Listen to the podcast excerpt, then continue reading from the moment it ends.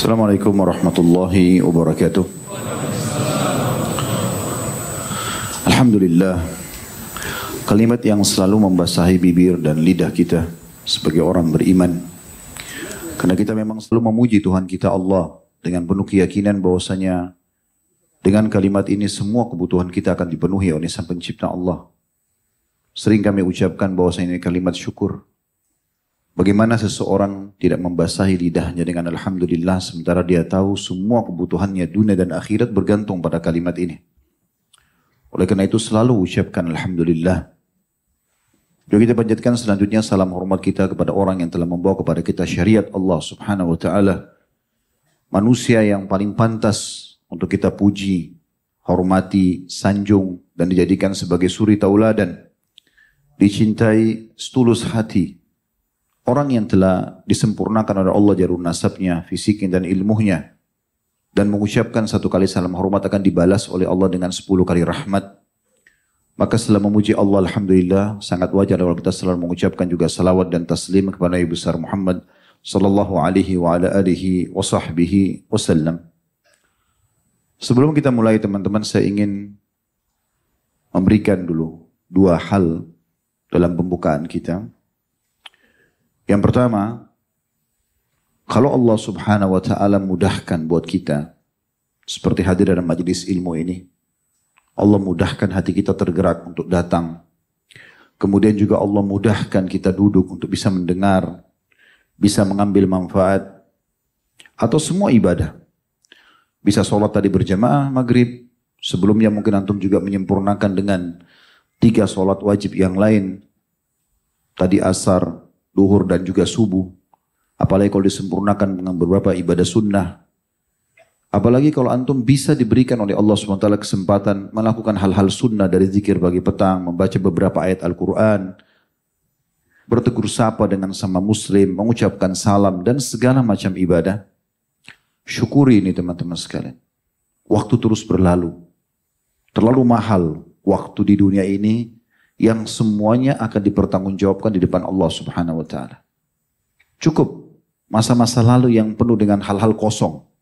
Tidak ada manfaatnya. Duduk ngobrol kosong, obrolan bertahun-tahun itu aja terus. Tidak pernah ada berubah. Antum bisa lihat sering kali kita duduk sama beberapa teman-teman yang diceritakan mungkin sudah 4, 30 tahun, 40 tahun atau mungkin 20 tahun, 10 tahun berturut-turut cerita itu aja. Yang kita sudah bosan dan sudah tahu sebenarnya. Kenapa hanya sebatas ini? Ada sebuah riwayat Al-Baihaqi. Kata Nabi SAW makna hadisnya. Orang-orang mukmin yang masuk ke dalam surga pun akan menyesali waktu-waktu mereka di dunia yang mereka tidak gunakan untuk zikrullah. Sudah masuk ke dalam surga, masih nyesal. Kenapa dulu ada waktu tidak dipakai untuk ibadah kepada Allah? Perbaiki diri, segera benahi, segera maksimalkan waktu. Jangan sia-siakan. Ini mungkin yang pertama yang saya ingin sampaikan. Maka di saat Allah subhanahu wa ta'ala mudahkan kita bisa mengerjakan ibadah, bersyukur kepada Allah dan jaga itu. Serta cukuplah masa-masa lalu yang terus kita lalai, berbuat maksiat. Jangan lagi terjerumus. Karena dosa itu untuk dipelajari dan dijauhi. Bukan dicoba. Gak perlu antum bilang babi itu haram, tapi saya mau coba dulu rasanya bagaimana. Gak perlu. Zina itu haram, bagaimana rasanya zina itu? Khamar itu haram, bagaimana khamar itu? Gak perlu. Karena dia memang untuk dipelajari dan dijauhi. Kalau perintah-perintah agama, termasuk yang Allah halalkan, dipelajari untuk diterapkan, dinikmati. Itu benar. Itu konsep dasarnya. Hal yang kedua teman-teman sekalian berhubungan dengan masalah majelis ilmu yang saya ingin sampaikan sebelum masuk ke materi kita. Ada banyak di antara ikhwah kita demam judul. Lihat judul ceramah, kalau menarik datang. Kalau tidak menarik nggak datang. Atau ini judulnya kayaknya saya sudah pernah tahu ini. Udah nggak usah datang. Ini demam judul. Penuntut ilmu tidak ada demam judul. Para ulama salaf dulu, mereka berulang-ulang mempelajari tentang ayat-ayat tauhid sampai belasan puluhan tahun berulang-ulang. Mereka terus mendengarkan tentang keutamaan sholat malam berpuluh-puluh tahun. Karena tujuannya bukan judul. Tujuannya adalah mengejar keutamaan majlis. Antum sekarang di majelis ilmu seperti ini, demi Allah ada malaikat yang hadir. Begitu Nabi SAW sampaikan. Membawa rahmat. Dan kalau ikhlas datang, kata Nabi SAW dalam banyak hadis, Siapa yang keluar ikhlas menuntut ilmu, maka dia seperti mujahid di jalan Allah. Siapa yang keluar ikhlas menuntut ilmu maka dia mendapatkan pahala haji lengkap. Haji lama waktunya, setahun sekali hanya bisa dikerjakan, biayanya besar. Antum dapatkan hanya dengan hadir seperti ini. Jangan demam judul. Ada juga orang demam ustad. Oh ustadznya fulan hadir. Kalau ustadznya yang lain nggak saya nggak mau hadir. Kenapa? Tujuannya bukan ustadznya. Bukan orangnya, bukan orang yang menyampaikan, tapi apa yang disampaikan. Kalau itu benar, terima dari siapa pun itu. Ada sebagian ulama hadis dulu, dia kalau berbicara, suaranya agak kecil, dan maaf kalau dia berbicara, ludahnya mercik sana sini. Tapi para penuntut ilmu di masanya tidak pernah mau luput duduk di depan sampai kadang-kadang selesai materi penuh dengan ludah. Iya. Saya alhamdulillah tidak begitu, tapi ada seperti itu sampai mereka nulis itu sampai menahan. Tapi karena tujuannya ilmu, bukan yang menyampaikan. Ilmunya ini mahal. Ada di antara mereka yang tidak mem, tidak ada waktu yang dia sisipkan, tidak ada waktu yang dia sia-siakan sampai dalam kondisi jalan saja, berjalan saja, tetap minta faidah apa yang bisa diambil. Begitu. Jadi bukan demam judul, bukan demam ustadz. Karena ini ada di tengah-tengah komunitas kita. Kapan ustadznya ini hadir, yang ustadz lain tidak. Oh ini ustadz tidak terkenal, nggak usah. Oh ini ustadz retorikanya kurang bagus. Oh ini penampilannya kurang. Jadi penilaiannya ke situ. Sehingga dia datang innamal amalu bin niat. Dia hanya dapat, oh yang bawa pulang penampilan ustadznya bagus. Kan gitu. Oh judulnya bagus, cuma sebatas itu. Nggak ada bekasnya ilmunya, karena bukan ilmu tujuannya. Hilangkan ini teman-teman sekalian. Demam judul dan demam ustadz. Ini gak ada.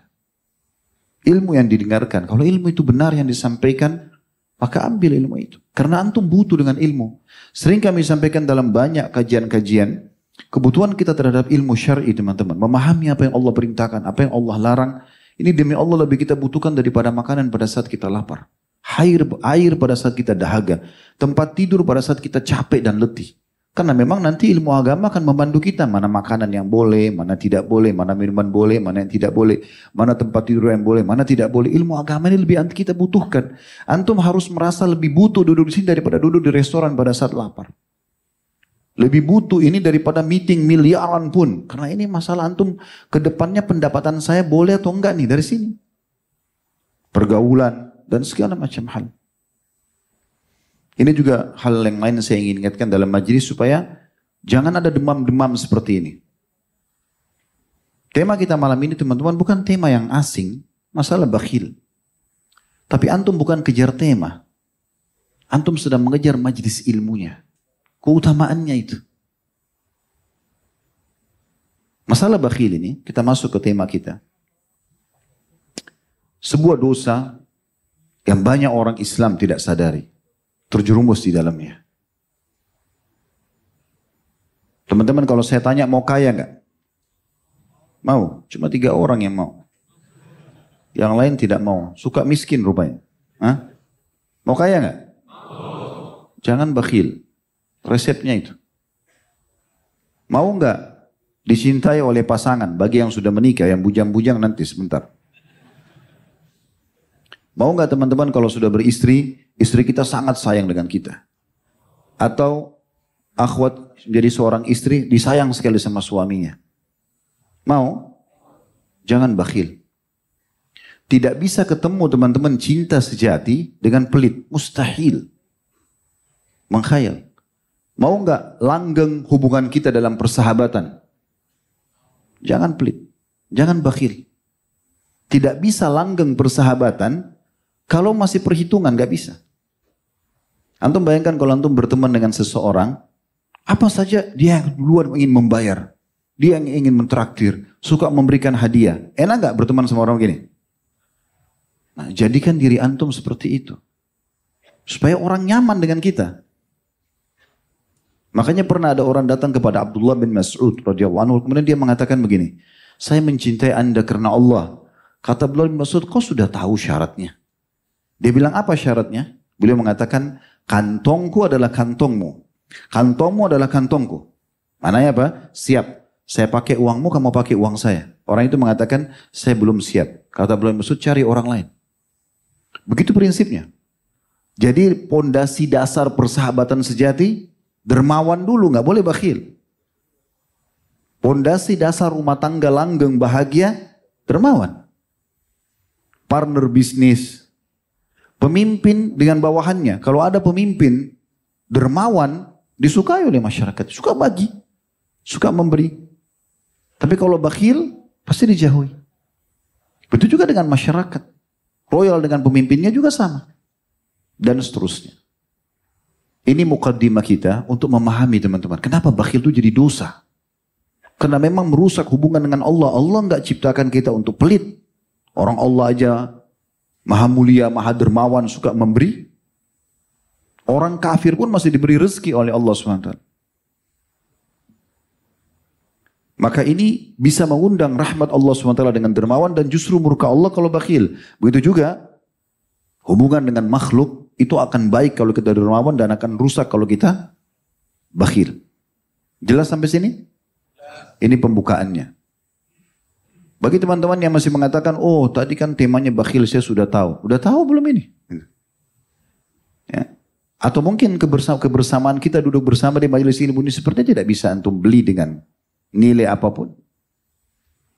Ini hari kiamat teman-teman kalau antum melihat kesempatan emas yang Allah kasih seperti ini hadir di majelis ilmu, ibadah bersama dan seterusnya sholat berjamaah, apa saja ibadah, kita rasanya ya berharap kembali ke dunia hanya untuk ini saja. Karena nikmatnya. Teman-teman saya tanya, kalau seandainya menit ini antum meninggal, kita meninggal. Saya atau antum, kita meninggal. Lalu kemudian di saat malaikat maut sudah akan mencabut ruh, dikasih kesempatan. Sekarang Allah memberikan kesempatan kepadamu setengah jam. Masih bisa tambah setengah jam. Apa yang antum lakukan? Hah? Masih cari restoran favoritnya? Hmm? Masih mau duduk ngobrol sama teman? Buang-buang waktu di mall? Hah? Masih mau ribut sama orang? Walaupun orang itu jahat sama kita, masih mau ribut sama dia di waktu setengah jam saja. Kita sudah tidak mau. Bahkan kumpul biologi sama istri pun mungkin kita tidak mau. Setengah jam itu, gak bakal kita sia-siakan. Masih mau meeting yang miliaran? Gak ada lagi. Antum ambil ibrah, pelajaran dari situ. Ternyata kalau Allah masih memberikan saya kesempatan setengah jam saja, dan itu tidak mungkin terjadi. Karena Allah mengatakan فَإِذَا جَاءَ أَجَلُهُمْ La yastakhiruna sa'atan wa la yastakdimun. Kalau ajal sudah datang tidak akan dimajukan, tidak akan diterlambatkan sesaat pun tidak. Tapi ini kita rasionalkan kalau seandainya Allah kasih kesempatan.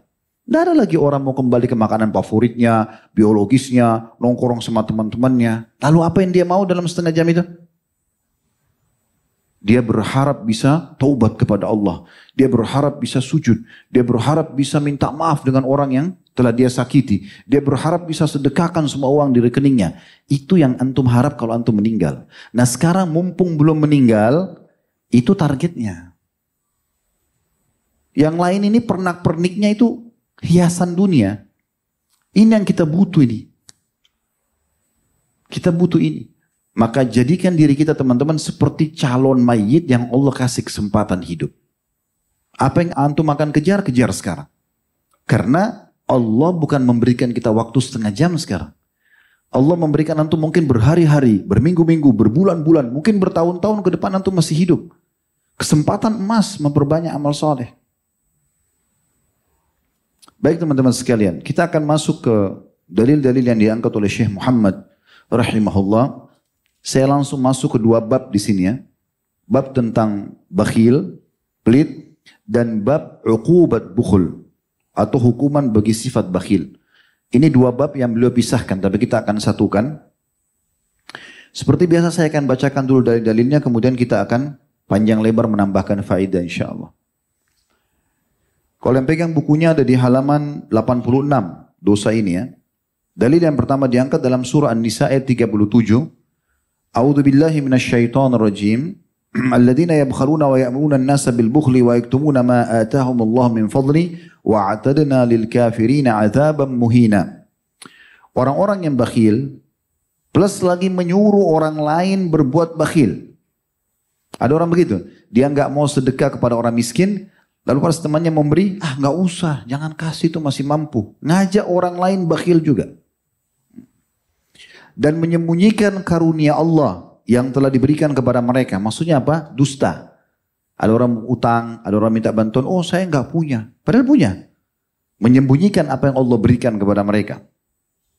Dan kami menyediakan untuk orang-orang kafir siksa yang menghinakan. Kufur nikmat, bakhil, siksa yang menghinakan. Berarti memang dari sini kita sudah pernah jelaskan dosa-dosa besar itu tanda-tandanya adanya an ancaman.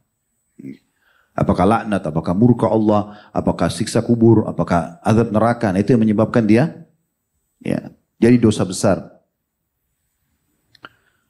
Kemudian diangkat juga surah Al-Ma'arij ayat 24 sampai 25. Tentu ini yang kita bacakan dulu dalil yang beliau sebutkan ya. Nanti akan kita coba sistematiskan lebih di manage sebentar poin demi poin setelah ini insya Allah. Surah Ma'arij ayat 24 sampai 25 ini lawannya orang bakhil. Orang yang dermawan.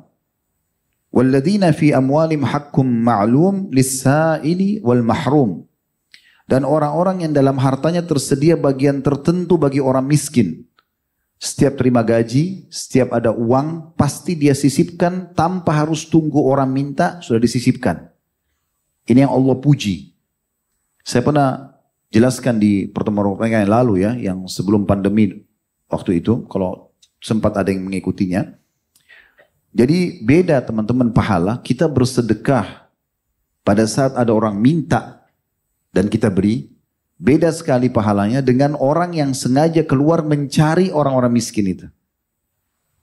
Kalau antum programnya poin yang pertama, maksudnya hanya mau bersedekah di saat ada orang minta, maka ini sulit ini. Karena kalau antum tinggal di satu komplek yang elit, keluar dari rumah, lewat security, langsung ke kantor, ataupun antum langsung ke masjid, kapan antum ketemu orang miskin?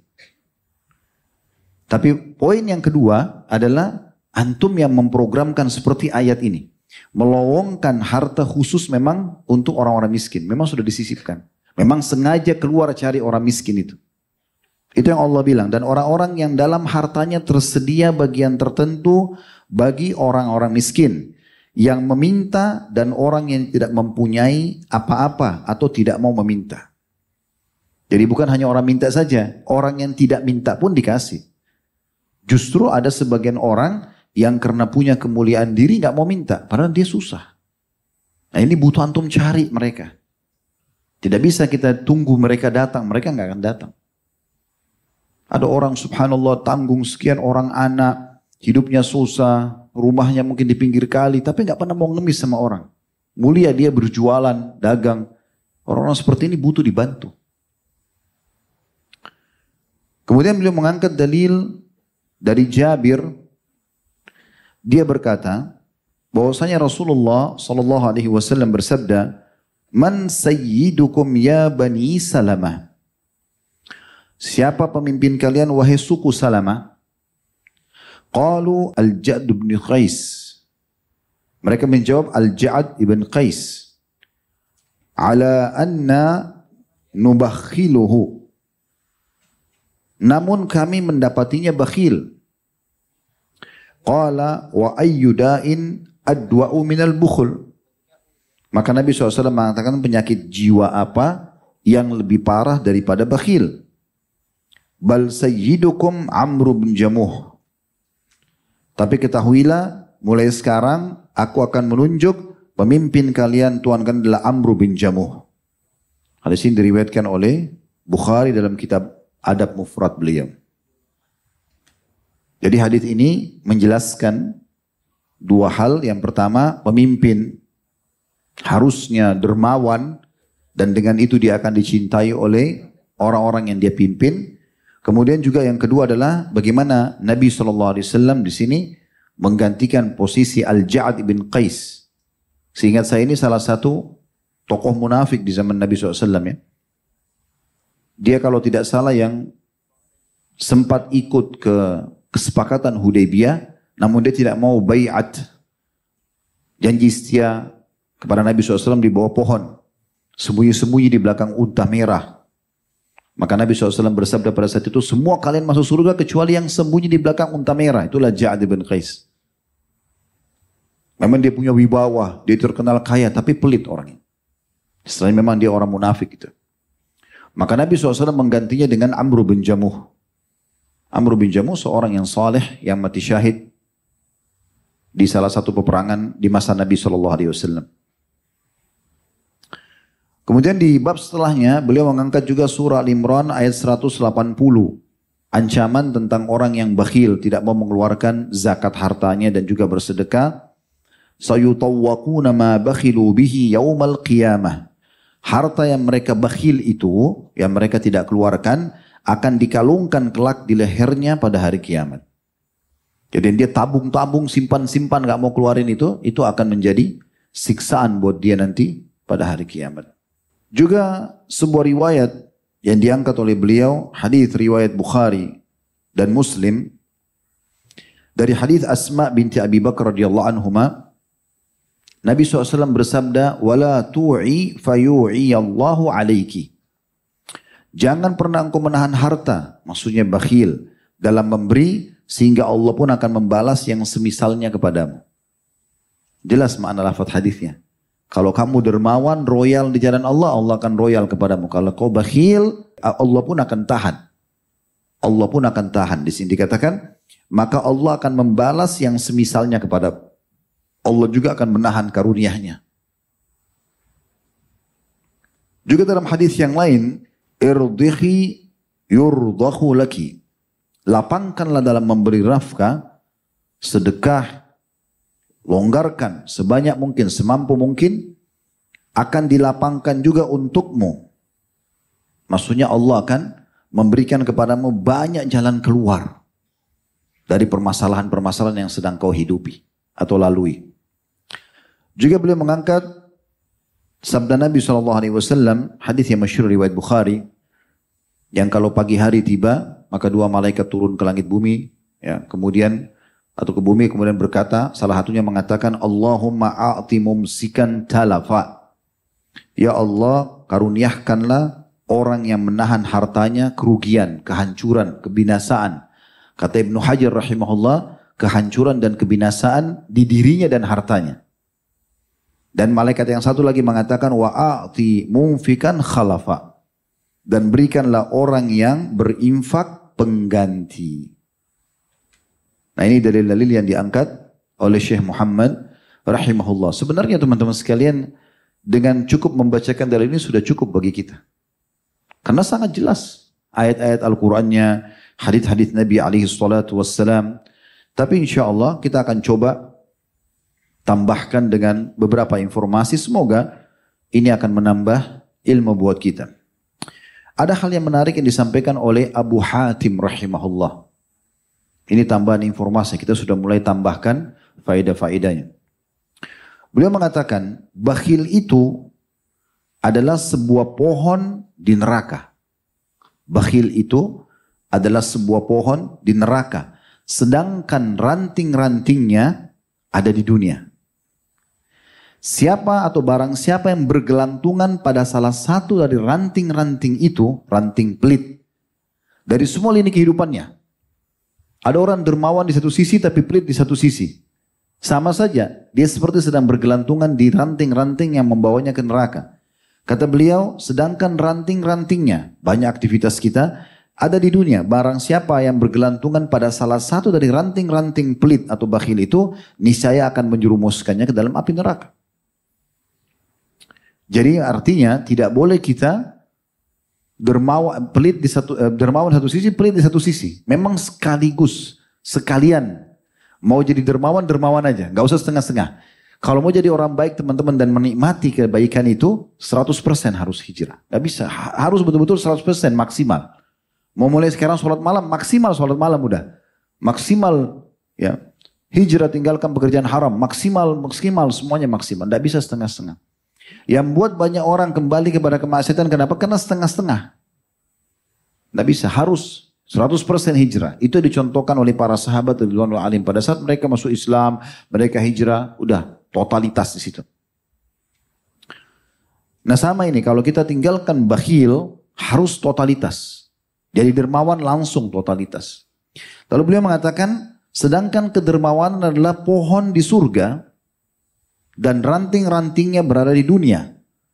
Barang siapa yang bergelantungan pada salah satu dari ranting-ranting itu, maka pasti akan membawanya ke dalam surga. Dan surga itu tempatnya orang-orang dermawan. Artinya, Bakhil tempatnya neraka. Ya. Ini statement yang sangat menarik apa yang disampaikan oleh beliau. Al-Layth ibn Sa'ad rahimahullah. Dan ini saya ingin teman-teman, mulai dari diri saya dulu, kemudian antum sekalian, jadikan prinsip hidup ini. Jadikan prinsip hidup. Apa itu? Setiap kali ada orang di depan kita yang meminta ataupun kita lihat dia butuh tidak minta, maka tanamkan dalam diri kita kita yang butuh terhadap kepada orang itu. Selama ini sering kali orang faham apa? Orang yang minta butuh kan? Makanya ada orang di mobilnya buka jendela sedikit ya. Keluarin dengan jarinya koinnya 500 rupiah. Ini bakhil walaupun sedekah. Karena dalam dirinya masih ada prinsip orang itu butuh. Ini faham yang salah ini. Ini harus di, di, diubah. Kita harus ubah teman-teman sekalian. Kalau kita yang butuh kepada orang miskin itu. Karena kalau tanpa dia kita nggak dapat pintu sedekah. Kalau tanpa mereka kita nggak punya kesempatan untuk meraih pahala sedekah. Makanya beliau mengatakan, barang siapa yang telah mengambil dariku suatu sedekah ataupun hadiah maka hak dirinya atas diriku adalah lebih besar daripada hak diriku atas dirinya. Artinya dia lebih pantas aku hormati segala macam karena memang dia telah mengambil apa yang telah aku sedekahkan. Karena alasannya kata Allah rahimahullah karena dia telah menerima apa yang aku korbankan kepada Allah. Coba renungi baik-baik. Buat prinsip hidup yang butuh dalam sedekah kita, bukan penerima. Penerima itu ambil fisiknya, misalnya antum kasih 100 ribu nih. Dipakai sama dia, pakai makan, pakai minum, pakai beli baju, selesai. Kan habis di situ. Tapi antum punya 100 ribu itu yang antum bawa ke akhirat. Dan dia perantaranya. Siapa yang kira-kira lebih butuh? Kita lebih butuh. Kita butuh dengan dia. Ini tanamkan ini teman-teman. Makanya kalau antum prinsipnya selain ini, antum akan selalu anggap remeh orang yang minta-minta. Orang miskin, dilirik sebelah mata, dihina, ditolak. Karena seakan-akan dia yang butuh, ini keliru. Al-Fudail bin Iyad rahimahullah, seorang ulama tabi'in yang masyhur, beliau pernah berkata kepada orang-orang yang terima sedekahnya. Sambil tersenyum lebar, dia mengatakan dengan orang-orang di sebelahnya, murid-muridnya, mereka orang-orang miskin yang sudah bawa sedekah itu.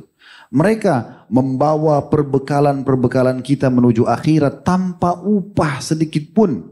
Hingga mereka meletakkannya di atas timbangan di hadapan Allah subhanahu wa ta'ala.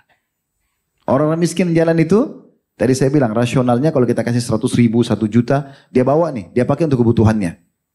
Habis kan, makanan, minuman, segala macam. Ada yang jadi nutrisi tubuh, ada yang jadi kotoran, maaf. Tapi kita sedang membawa nilai itu. Sedang membawa nilai itu atau dia sedang orang itu sedang membawa nilai itu ketimbangan Allah pada hari kiamat. Jadi prinsip dasarnya adalah kita yang butuh. Ya. Ini harus difahami baik-baik teman-teman sekalian. Ash-Syu'bi berkata rahimahullah. Barang siapa yang tidak memperlihatkan bahwa dirinya lebih butuh kepada ganjaran sedekah. Saya ulangi, barang siapa yang tidak memperlihatkan, maksudnya kepada Allah, dia lebih butuh dengan ganjaran sedekah daripada seorang fakir yang butuh kepada sedekah, maka dia telah membatalkan sedekahnya itu dan memukul wajahnya sendiri. Statement yang luar biasa ini, kata Syu'bi. Barang siapa yang tidak memperlihatkan kepada Allah bahwasanya dia butuh dengan sedekah itu, lebih butuh daripada orang miskin terhadap sedekah itu, maka dia telah membatalkan sedekah. Kalau antum kedatangan orang-orang miskin, orang yang butuh, senyum akhi dan ukhti. Ramah dengan mereka. Jangan sakiti perasaannya. Allah yang menggerakkan dia datang kepada antum dan akhirnya antum punya kesempatan untuk itu. Baik, untuk lebih jelas teman-teman sekalian, coba kita buka surah Al-Baqarah. Teman-teman semua saya harap bisa buka surah Al-Baqarah. Kita akan coba baca beberapa ayat Al-Quran surah nomor 2 dalam Al-Quran, ayat 261 sampai ayat 274. Sekali lagi 261 sampai 274. Saya bacakan langsung. A'udzu billahi minasyaitonir rajim. Matsalul ladzina yunfikuna amwalahum fi sabilillahi kamatsali habbatin ambatat sab'a sanabila fi kulli sumbula Fi kullu sumbulatin mi'atu habbah. Wallahu yudha'ifu liman yasha. Wallahu wasi'un alim. Perumpamaan orang-orang yang menafkahkan, bersedekah, ya, hartanya di jalan Allah adalah serupa dengan sebutir benih. Bibit yang pada yang benih itu akan menumbuhkan tujuh bulir. Antum sedekah satu tapi akan mengeluarkan tujuh bulir. Di setiap bulirnya akan ada seratus biji. Jadi berapa itu? Tujuh ratus. Tujuh ratus kali lipat. Enggak ada tempat investasi seperti ini. Kalau antum dijanjikan oleh seseorang pemilik perusahaan, ayo taruh uang di saya 10 juta. Akhir bulan saya kasih ya 50 persen. Jadi dapat 5 juta. Punya 100 juta dapat 100, dapat 50 juta, 150 juta. Mungkin orang sudah berlumba-lumba ke perusahaan itu. Kalau 100 persen, investasi 100 juta dapat 100 juta lagi. Satu bulan mungkin antum tetap akan terima. Oh satu bulan sebentar gitu. Allah subhanahu wa ta'ala menjanjikan teman-teman di saat antum sudah berikan di jalan Allah itu, di kotak amal masjid kah, orang miskin kah, kepada kerabat kah, kepada orang tua kah, pada para menuntut ilmu kah, siapa saja. Apalagi sedekah ini terbuka pintunya tidak harus kepada orang miskin. Orang kaya pun bisa antum beri sedekah. Antum sudah kaya, terus antum orang tua antum kaya, antum ingin berikan dia mobil, berikan baju. Boleh, nggak ada masalah. Terbuka sekali. Gitu kan? Maka itu langsung dijanji oleh Allah subhanahu wa ta'ala di Al-Baqarah 261. Ingat ayat ini. Dengan 700. Kemudian Allah menyebutkan nih. Tapi syaratnya ada. Apa syaratnya? 262. Alladzina yunfikuna amwalum fi sabilillahi thumma la yutbi'una ma anfaqu mannan wala adhan lahum ajrum inda rabbihim wala khawfun alaihim wala hum yahzanun. Orang-orang yang menafkahkan harta di jalan Allah, kemudian mereka, perhatikan syarat pertama, mereka tidak mengiringi apa yang dinafkahkan itu dengan menyebut-nyebut pemberiannya. Saya udah kasih kamu, saya udah bantu kamu satu bulan, tiap hari gini, dan segala macam. Tahu masjid sana itu? Oh saya yang pasang AC-nya. Terus kenapa? Hah? Bertambah umurnya dengan ngomong gitu. Itu di sana, oh pesantren sana saya yang pasangin keramiknya. Terus gemuk dengan bicara begitu. Hah? Ini ciri-ciri orang bakhil juga nih. Keluar tapi untuk dipuji saja. Syarat yang kedua, selain tidak menyebut-nyebut ya, dan tidak menyakiti perasaan si penerima. Nah kenapa ada orang menyakiti perasaan si penerima teman-teman? Karena dia pikir orang ini butuh. Kan tadi saya sudah bilang balik sekarang. Kita yang butuh kepada dia, maka antum yang ramah, antum yang kejar tuh orang miskin. Nah itu baru dermawan. Termasuk ciri orang pelit itu selalu ragu. Keluar nggak ya? Kasih nggak ya? Kayaknya masih mampu, kayaknya anak pinjaman, kayaknya begini, kayak. Nanti di buku amalan tuh kayaknya. Bakhil. Nah, kalau syaratnya tadi ya tidak menyebut-nyebut, udah kalau antum sudah investasi, sudah kasih ke jalan Allah, lupain udah. Tidak usah ingat. Sudah ada sekretaris, ada malaikat yang catat, tidak usah ingat-ingat. Antum tidak butuh manajemen khusus akuntansi untuk hitung, tidak usah. Udah ada malaikat yang catat. Kemudian tidak menyakiti perasaan penerima, kata Allah, mereka itulah atau mereka memperoleh pahala di sisi Tuhan mereka, tidak ada kekhawatiran terhadap mereka dan tidak pula mereka bersedih hati. Tadi pahala satu benih membuat akhirnya tujuh bulir ya dan seterusnya. Kemudian ayat 263-nya, kalau seandainya kita betul-betul tidak punya. Apa yang harus kita lakukan? Kata Allah, qaulun ma'rufun wa magfiratun khairum min sadaqatin yatba'u hadha wallahu ghaniyun halim. Perkataan yang baik, yang santun. Kita betul-betul tidak punya. Orang minta, maaf ya, saya belum bisa bantu sekarang, mungkin, mungkin nanti. Ah ini orang nggak tahu, saya juga orang butuh nih. Untuk apa ngoceh begitu? Manfaatnya apa? Udah nggak kasih ngoceh. Allah bilang, perkataan yang baik dan pemberian maaf lebih baik daripada sedekah yang diiringi dengan sesuatu yang menyakitkan perasaan si penerima. Allah maha kaya lagi maha penyantun. Coba lihat Allah kayak berbicara dengan kita. Live ini. Baik, ayat 264-nya. Ya ayyuhalladzina amanu la tubtilu sadaqatikum bil manni wal adha kalladhi yunfiku ma la ria'an nasi wa la yu'minu فمثله كمثل صفوان عليه تراب فأصاب وابل فتركه صلدا لا يقدرون على شيء مما كسبوا والله لا يهدي القوم الكافرين Hai orang-orang beriman, Allah ajak kita. Kalau sudah mau terapin ini, mau dapat balasan dari aku, kata Allah, Hai orang beriman, janganlah kamu menghilangkan pahala sedekahmu dengan menyebut-nyebutnya. Allah ulangi lagi. Syarat tadi pertama. Dan jangan menyakiti perasaan si penerima. Seperti orang yang menafkahkan hartanya karena ria, yang suka marah-marah sama orang miskin itu ria. Ya. Dan tidak beriman kepada Allah dan hari kemudian. Dia tidak mengejar pahala itu. Maka perumpamaan orang itu seperti batu licin yang di atasnya ada tanah. Antum bayangkan sebuah batu yang licin, agak runcing gitu, kemudian ditaruh pasir, tanah di atasnya. Maka kan tanah itu nggak bisa tahan, pasti akan jatuh. Nah seperti itu hasil sedekah mereka. Tidak cukup situ Allah mengatakan kemudian batu itu ditimpa dengan hujan yang lebat. Lalu menjadilah dia bersih tanpa tanah. Maksudnya tidak ada pahalanya sama sekali. Mereka tidak menguasai sesuatu pun dari apa yang mereka usahakan. Maksudnya tidak ada hasilnya. Dan Allah tidak memberi petunjuk kepada orang-orang kafir. Ayat 265-nya.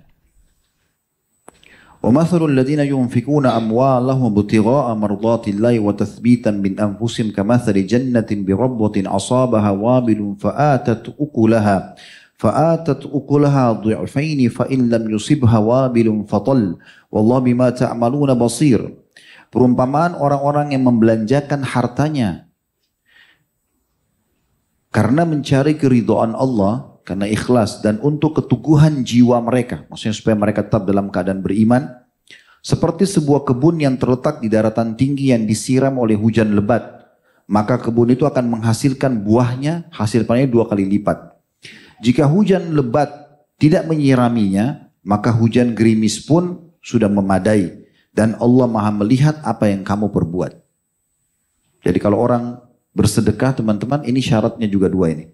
Yaitu memang dia bersedekah karena mencari ridho Allah. Dan yang kedua untuk keteguhan jiwa.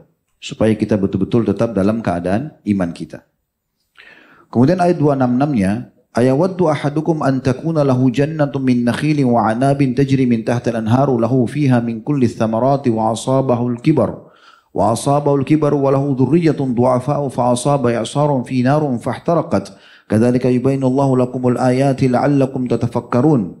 Apakah ada salah seorang di antaramu yang ingin mempunyai kebun kurma dan anggur yang mengalir di bawahnya sungai-sungai?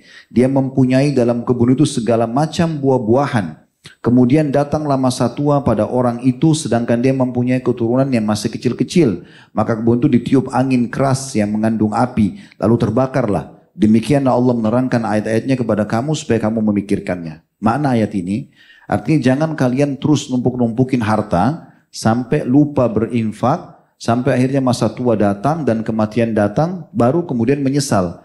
Akhirnya harta tersebut bisa menjadi Hal-hal seperti yang dibakar. Gitu. Tidak ada nilainya.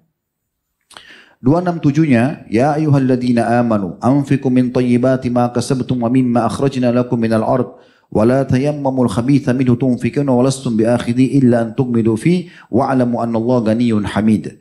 Hai orang-orang beriman, nafkahkan jalan Allah sebagian dari hasil usahamu yang baik-baik.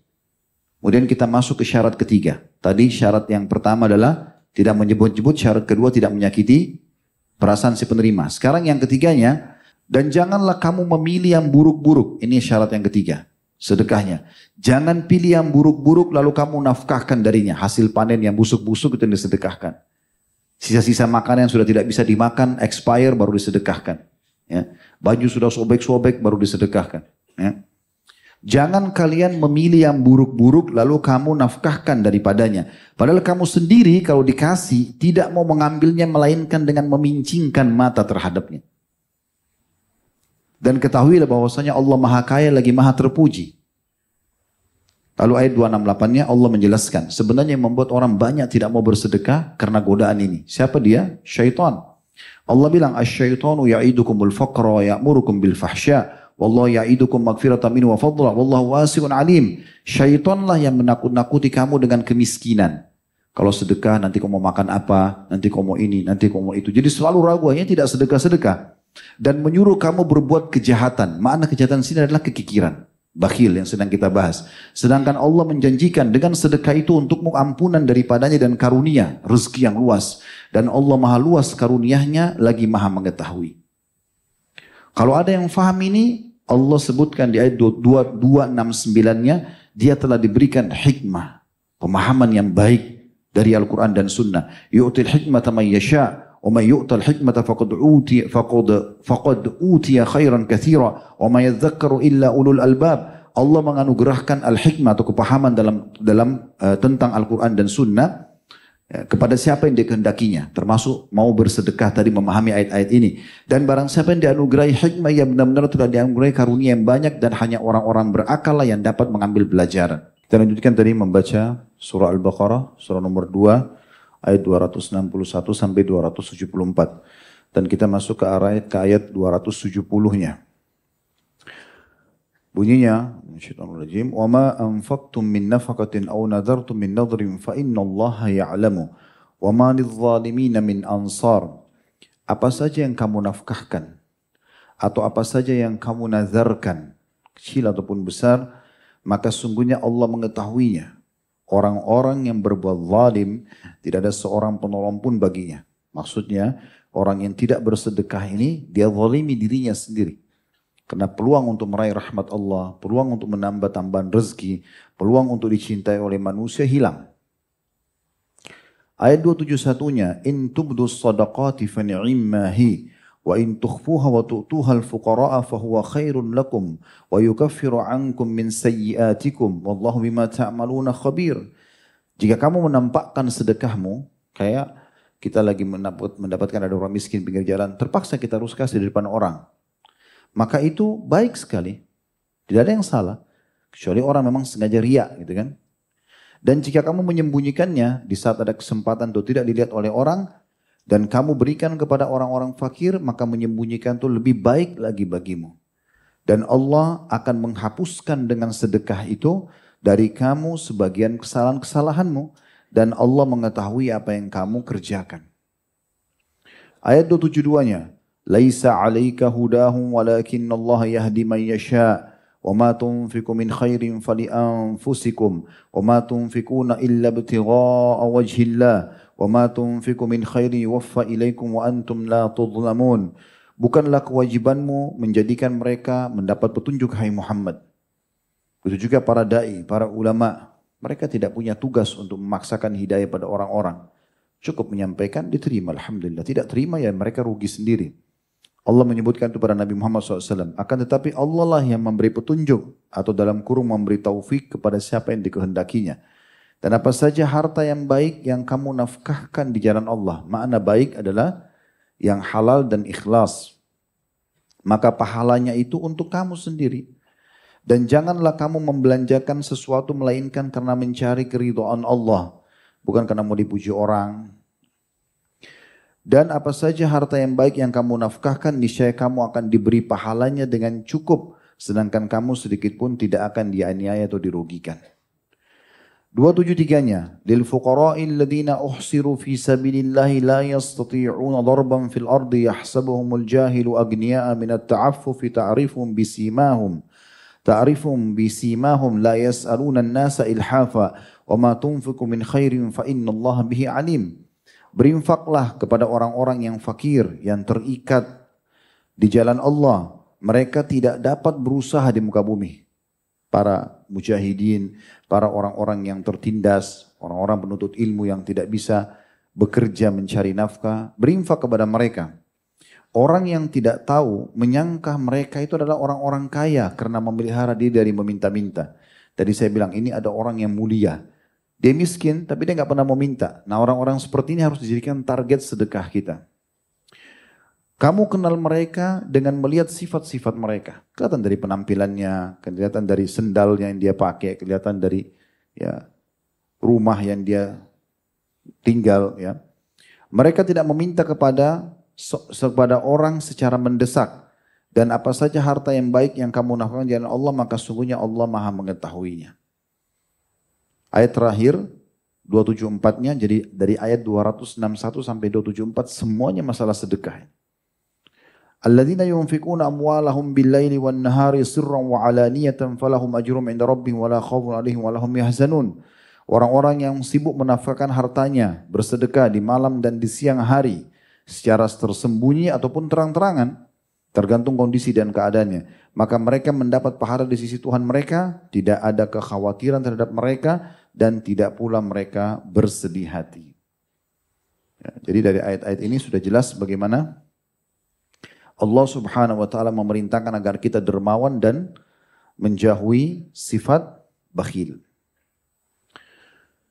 Abdul Aziz bin Umair, ini kita sudah tinggalkan tadi surah Al-Baqarah, kita tambahkan beberapa perkataan salaf berhubungan dengan masalah ini.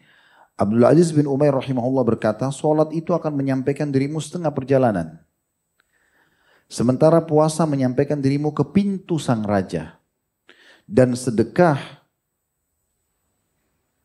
akan menyampaikan dirimu ke hadapan raja tersebut. Umar bin Khattab radhiyallahu anhu berkata, sesungguhnya amal-amal itu saling berbangga-bangga diri. Dan sedekah berkata, akulah yang paling baik di antara kalian. Yahya bin Mu'ad rahimahullah berkata, Tidaklah saya mengetahui suatu biji yang bisa mengimbangi gunung gunung-gunung dunia kecuali sedekah. Tidaklah saya mengetahui sebuah biji, maksudnya sedekah kecil, tapi bisa ya, mengimbangi gunung-gunung dunia kecuali sedekah. Ibnu Abi Ja'ad rahimahullah berkata, sesungguhnya sedekah itu benar-benar menghilangkan 70 pintu keburukan. Jadi ternyata sedekah itu bukan cuma sekedar mendapatkan rahmat Allah, mendapatkan pahala, mendapatkan balasan melimpah, tapi juga dia akan menghilangkan kita dari musibah, masalah-masalah dalam kehidupan. Sampai Abdullah bin Abbas berkata radhiyallahu saya kalau memiliki satu perkara yang belum selesai atau doa yang belum diijabah, maka saya sengaja keluar mencari orang miskin bersedekah agar urusan saya diterima atau dimudahkan dan juga doa saya diijabah. Ada sebuah statement yang menarik disampaikan oleh Abu Abbas Ibnu Taimiyah rahimahullah mengenai tentang orang-orang yang gemar bersedekah dan orang yang bakhil. Beliau bilang kurang lebih maknanya, terjemahannya di majmuk fatwanya beliau, berbuat baik dan takwa gemar berbuat ketaatan-ketaatan dan patuh kepada Allah akan selalu menenangkan jiwa. Kalau antum tidak tenang, nggak mungkin antum duduk nunggu di sini kan. Ada ketenangan jiwa Allah kasih di majelis ilmu. Ada ketenangan jiwa bagi orang yang sedang puasa walaupun haus, lapar. Ada ketenangan jiwa orang yang pergi haji dan umroh walaupun jauh meninggalkan keluarganya dan seterusnya. Berbuat baik dan takwa akan selalu menenangkan jiwa dan melapangkan hati. Sehingga orang tersebut di hatinya menjadi lapang, tenang dari sebelumnya. Ketika seseorang berbuat baik dan semakin bertakwa, Allah pun makin melapangkan dan menyejukkan hatinya. Sebaliknya, kata beliau, maksiat dan sifat bakhil menyempitkan jiwa. Jadi di sini beliau sebutkan maksiat secara umum, lalu beliau khususkan bakhil. Padahal masuk dalam maksiat juga dosa kan? Kan kita bahas sekarang dosa-dosa besar. Kalau orang bakhil berarti dia berdosa gitu kan? Tapi di sini beliau memisahkan antara maksiat dan sifat bakhil. Dikhususkan lagi bakhil oleh beliau, itu akan menyempitkan jiwa. Sifat tersebut malah menyanyiakan dan menyesarakan jiwa seseorang. Subhanallah orang yang terbiasa dermawan yang teman-teman sekalian sangat lapang dadahnya, sangat tenang jiwanya. Dicintai Allah, dia pun lapang hidupnya, tenang, dicintai juga oleh orang-orang. Lalu kenapa seseorang itu tidak berpikir untuk jadi dermawan? Lalu kenapa harus bakhil? Baik, sebagai penutup teman-teman sekalian kita akan baca pertanyaan setelah ini tips-tips yang harus kita lakukan supaya kita tidak bakhil. Yang pertama, terus gali mutiara-mutiara dalil dari Al-Quran dan Sunnah. Tadi itu baru sebagian yang kita baca. Al-Baqarah 261 sampai 274 tadi coba diulang-ulangi lagi dan coba baca masih banyak dalil-dalil lain berhubungan dengan masalah perintah untuk dermawan, bersedekah. Begitu juga dengan hadis-hadis Nabi SAW, perkataan para ulama salaf. Selalu nonton ceramah-ceramah para asatid yang sampaikan tentang masalah keutamaan sedekah. Supaya terus saja kita termotivasi. Karena kita ini butuh pembaharuan. Kata Nabi SAW, setiap orang yang beribadah itu ada masa semangat. Tapi di setiap masa semangat ada masa jenuh. Siapa yang pada saat jenuh itu menuju ke sunnah, maka dia telah mendapatkan hidayah. Dan siapa yang menuju kepada selain sunnah, maka dia telah binasa. Jadi ini yang pertama tipsnya, bagaimana kita membaca keutamaan-keutamaan, terus gali mutiara-mutiara dari Al-Quran dan juga hadis Nabi SAW dan perkataan para salafus salih tentang masalah sedekah, supaya selalu motivasi kita. Yang kedua, coba baca dan kembali lagi renungi tentang ancaman lawan daripada sedekah atau dermawan, bakhil kayak tadi. Oh ternyata dosa ini, bukan cuma sekedar tidak disukai oleh orang, tapi kita berdosa kalau kita bakhil. Tidak mau mengeluarkan di jalan Allah. Saya tidak pernah bisa berpikir teman-teman bagaimana rumah tangga seseorang, suami istri itu bisa langgeng kalau si suaminya perhitungan sama istrinya, istri perhitungan sama suami. Bahkan kadang-kadang ada hitung-hitungan, kamu punya utang, kamu punya utang. Ini padahal sudah satu satu pakaian. Allah menggambarkan suami istri itu libas. Kenapa masih seperti ini? Kenapa enggak si suami mengatakan, Udah pakai aja nggak apa-apa. Kenapa nggak istri mengatakan, oh nggak apa-apa pakai aja. Itu sedekah yang afdal. Sampai pernah istrinya Abdullah bin Mas'ud radhiyallahu anhu ingin bersedekah lalu dia mengatakan kepada Abdullah bin Mas'ud, coba saya mau sedekah, siapa yang saya kasih? Kebetulan istrinya orang mampu, beliau orang susah. Lalu beliau mengatakan, kenapa nggak kasih ke saya saja? Lalu kemudian kata istrinya, coba tanyakan ke Nabi SAW. Kata bin Mas'ud, engkau saja yang tanya, karena ini hajatmu gitu, jangan saya. Ya. Maka istrinya datang kepada Nabi SAW dan menanyakan lalu Nabi membolehkan dia memberikan kepada suaminya.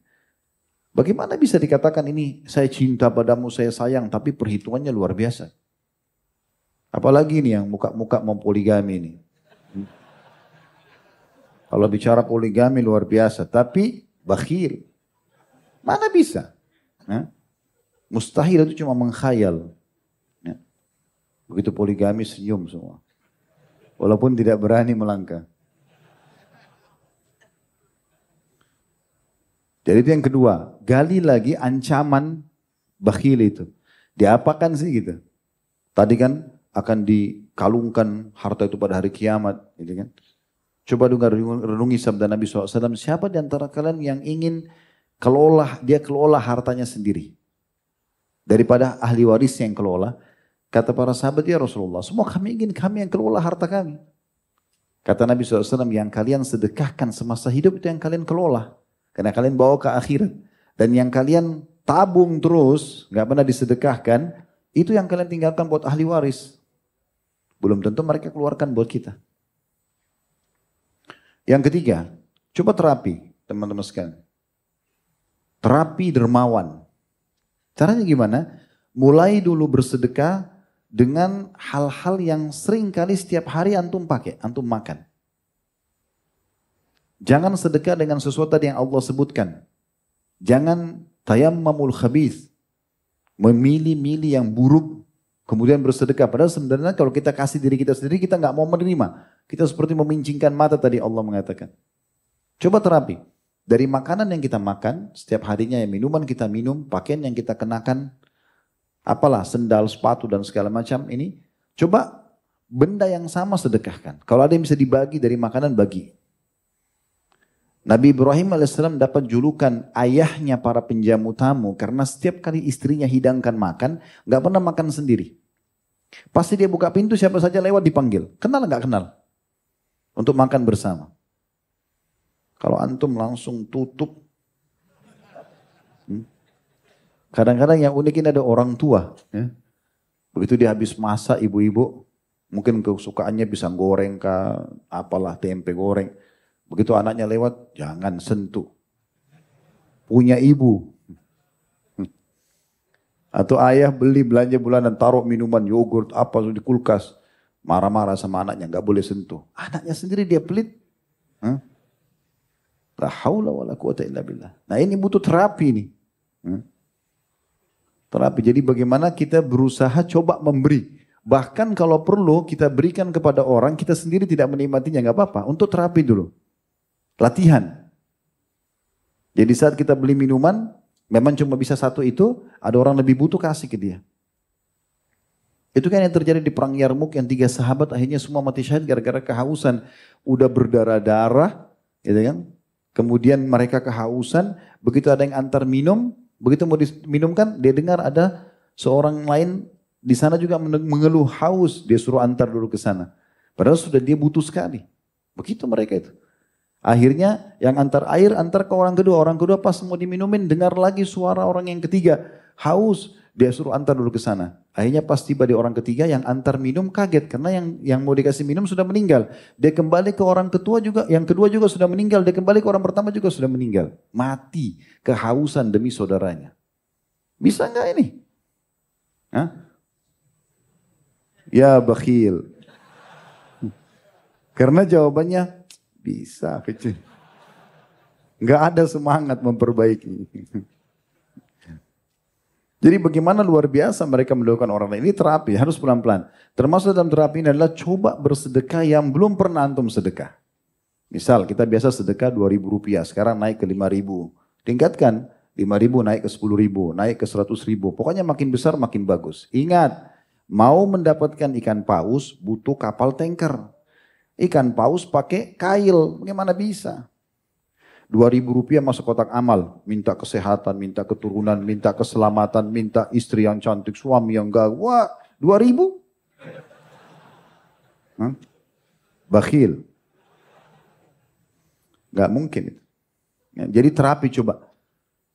Yang terakhir teman-teman sekalian berdoa sama Allah. Supaya dihidupkan dalam kondisi dermawan. Ini Allah cintai, pahalanya besar, melimpah rezeki antum.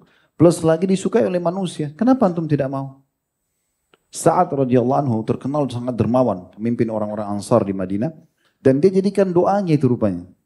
Ini pernah kita jelaskan di Tabligh Akbar serial sahabat pada saat menjelaskan tentang beliau. Beliau menjadikan doa, ya Allah, muliakan aku ini ya, dengan banyak harta melimpah yang aku sedekahkan di jalanmu. Dan betul-betul melimpah sekali hartanya. Dia nikmati itu, bersedekah itu. Tapi minta kepada Allah subhanahu wa ta'ala. Tidak pernah saya temukan teman-teman orang yang dermawan ini miskin. Hampir semua Masya Allah yang suka memberi pasti hidupnya luar biasa berkah. Bahkan Allah berikan keberkahan di harta yang mereka sedekahkan. Yang disedekahkan pun kepada orang itu berkah lagi. Cukup dan bisa dipakai untuk banyak kegiatan. Ada beberapa saudara-saudara kita Masya Allah muslimin di Indonesia yang dititipkan hartanya ke yayasan kami. Pada saat saya sendiri alokasikan itu, saya sampai melihat depan mata, saya, saya tahu orang ini ikhlas justru karena tiba-tiba terbuka pintu-pintu ke orang-orang yang kita mau bantu yang tepat sasaran, yang tadinya belum pernah terfikir gitu. Bagaimana Allah berkahi hartanya dia. Mungkin kalau dia kasih sendiri juga tidak tidak ke situ gitu. Tapi Allah berkahi dan tidak habis-habis uang itu disedekahkan ke sana, sedekahkan ke sini sampai masih banyak sisanya. Kuasa Allah, Allah berikan seperti itu. Allahu a'lam. Baik ini kita bahas teman-teman sekalian sampai ketemu insya Allah di Rabu akan datang. Semoga bermanfaat. Kalau ada benar dari Allah, kalau ada dari saya mohon dimaafkan. Subhanakallah bihamdika. Asyhadu an la ilaha illa anta astaghfiruka wa atubu ilaik. Wassalamualaikum warahmatullahi wabarakatuh.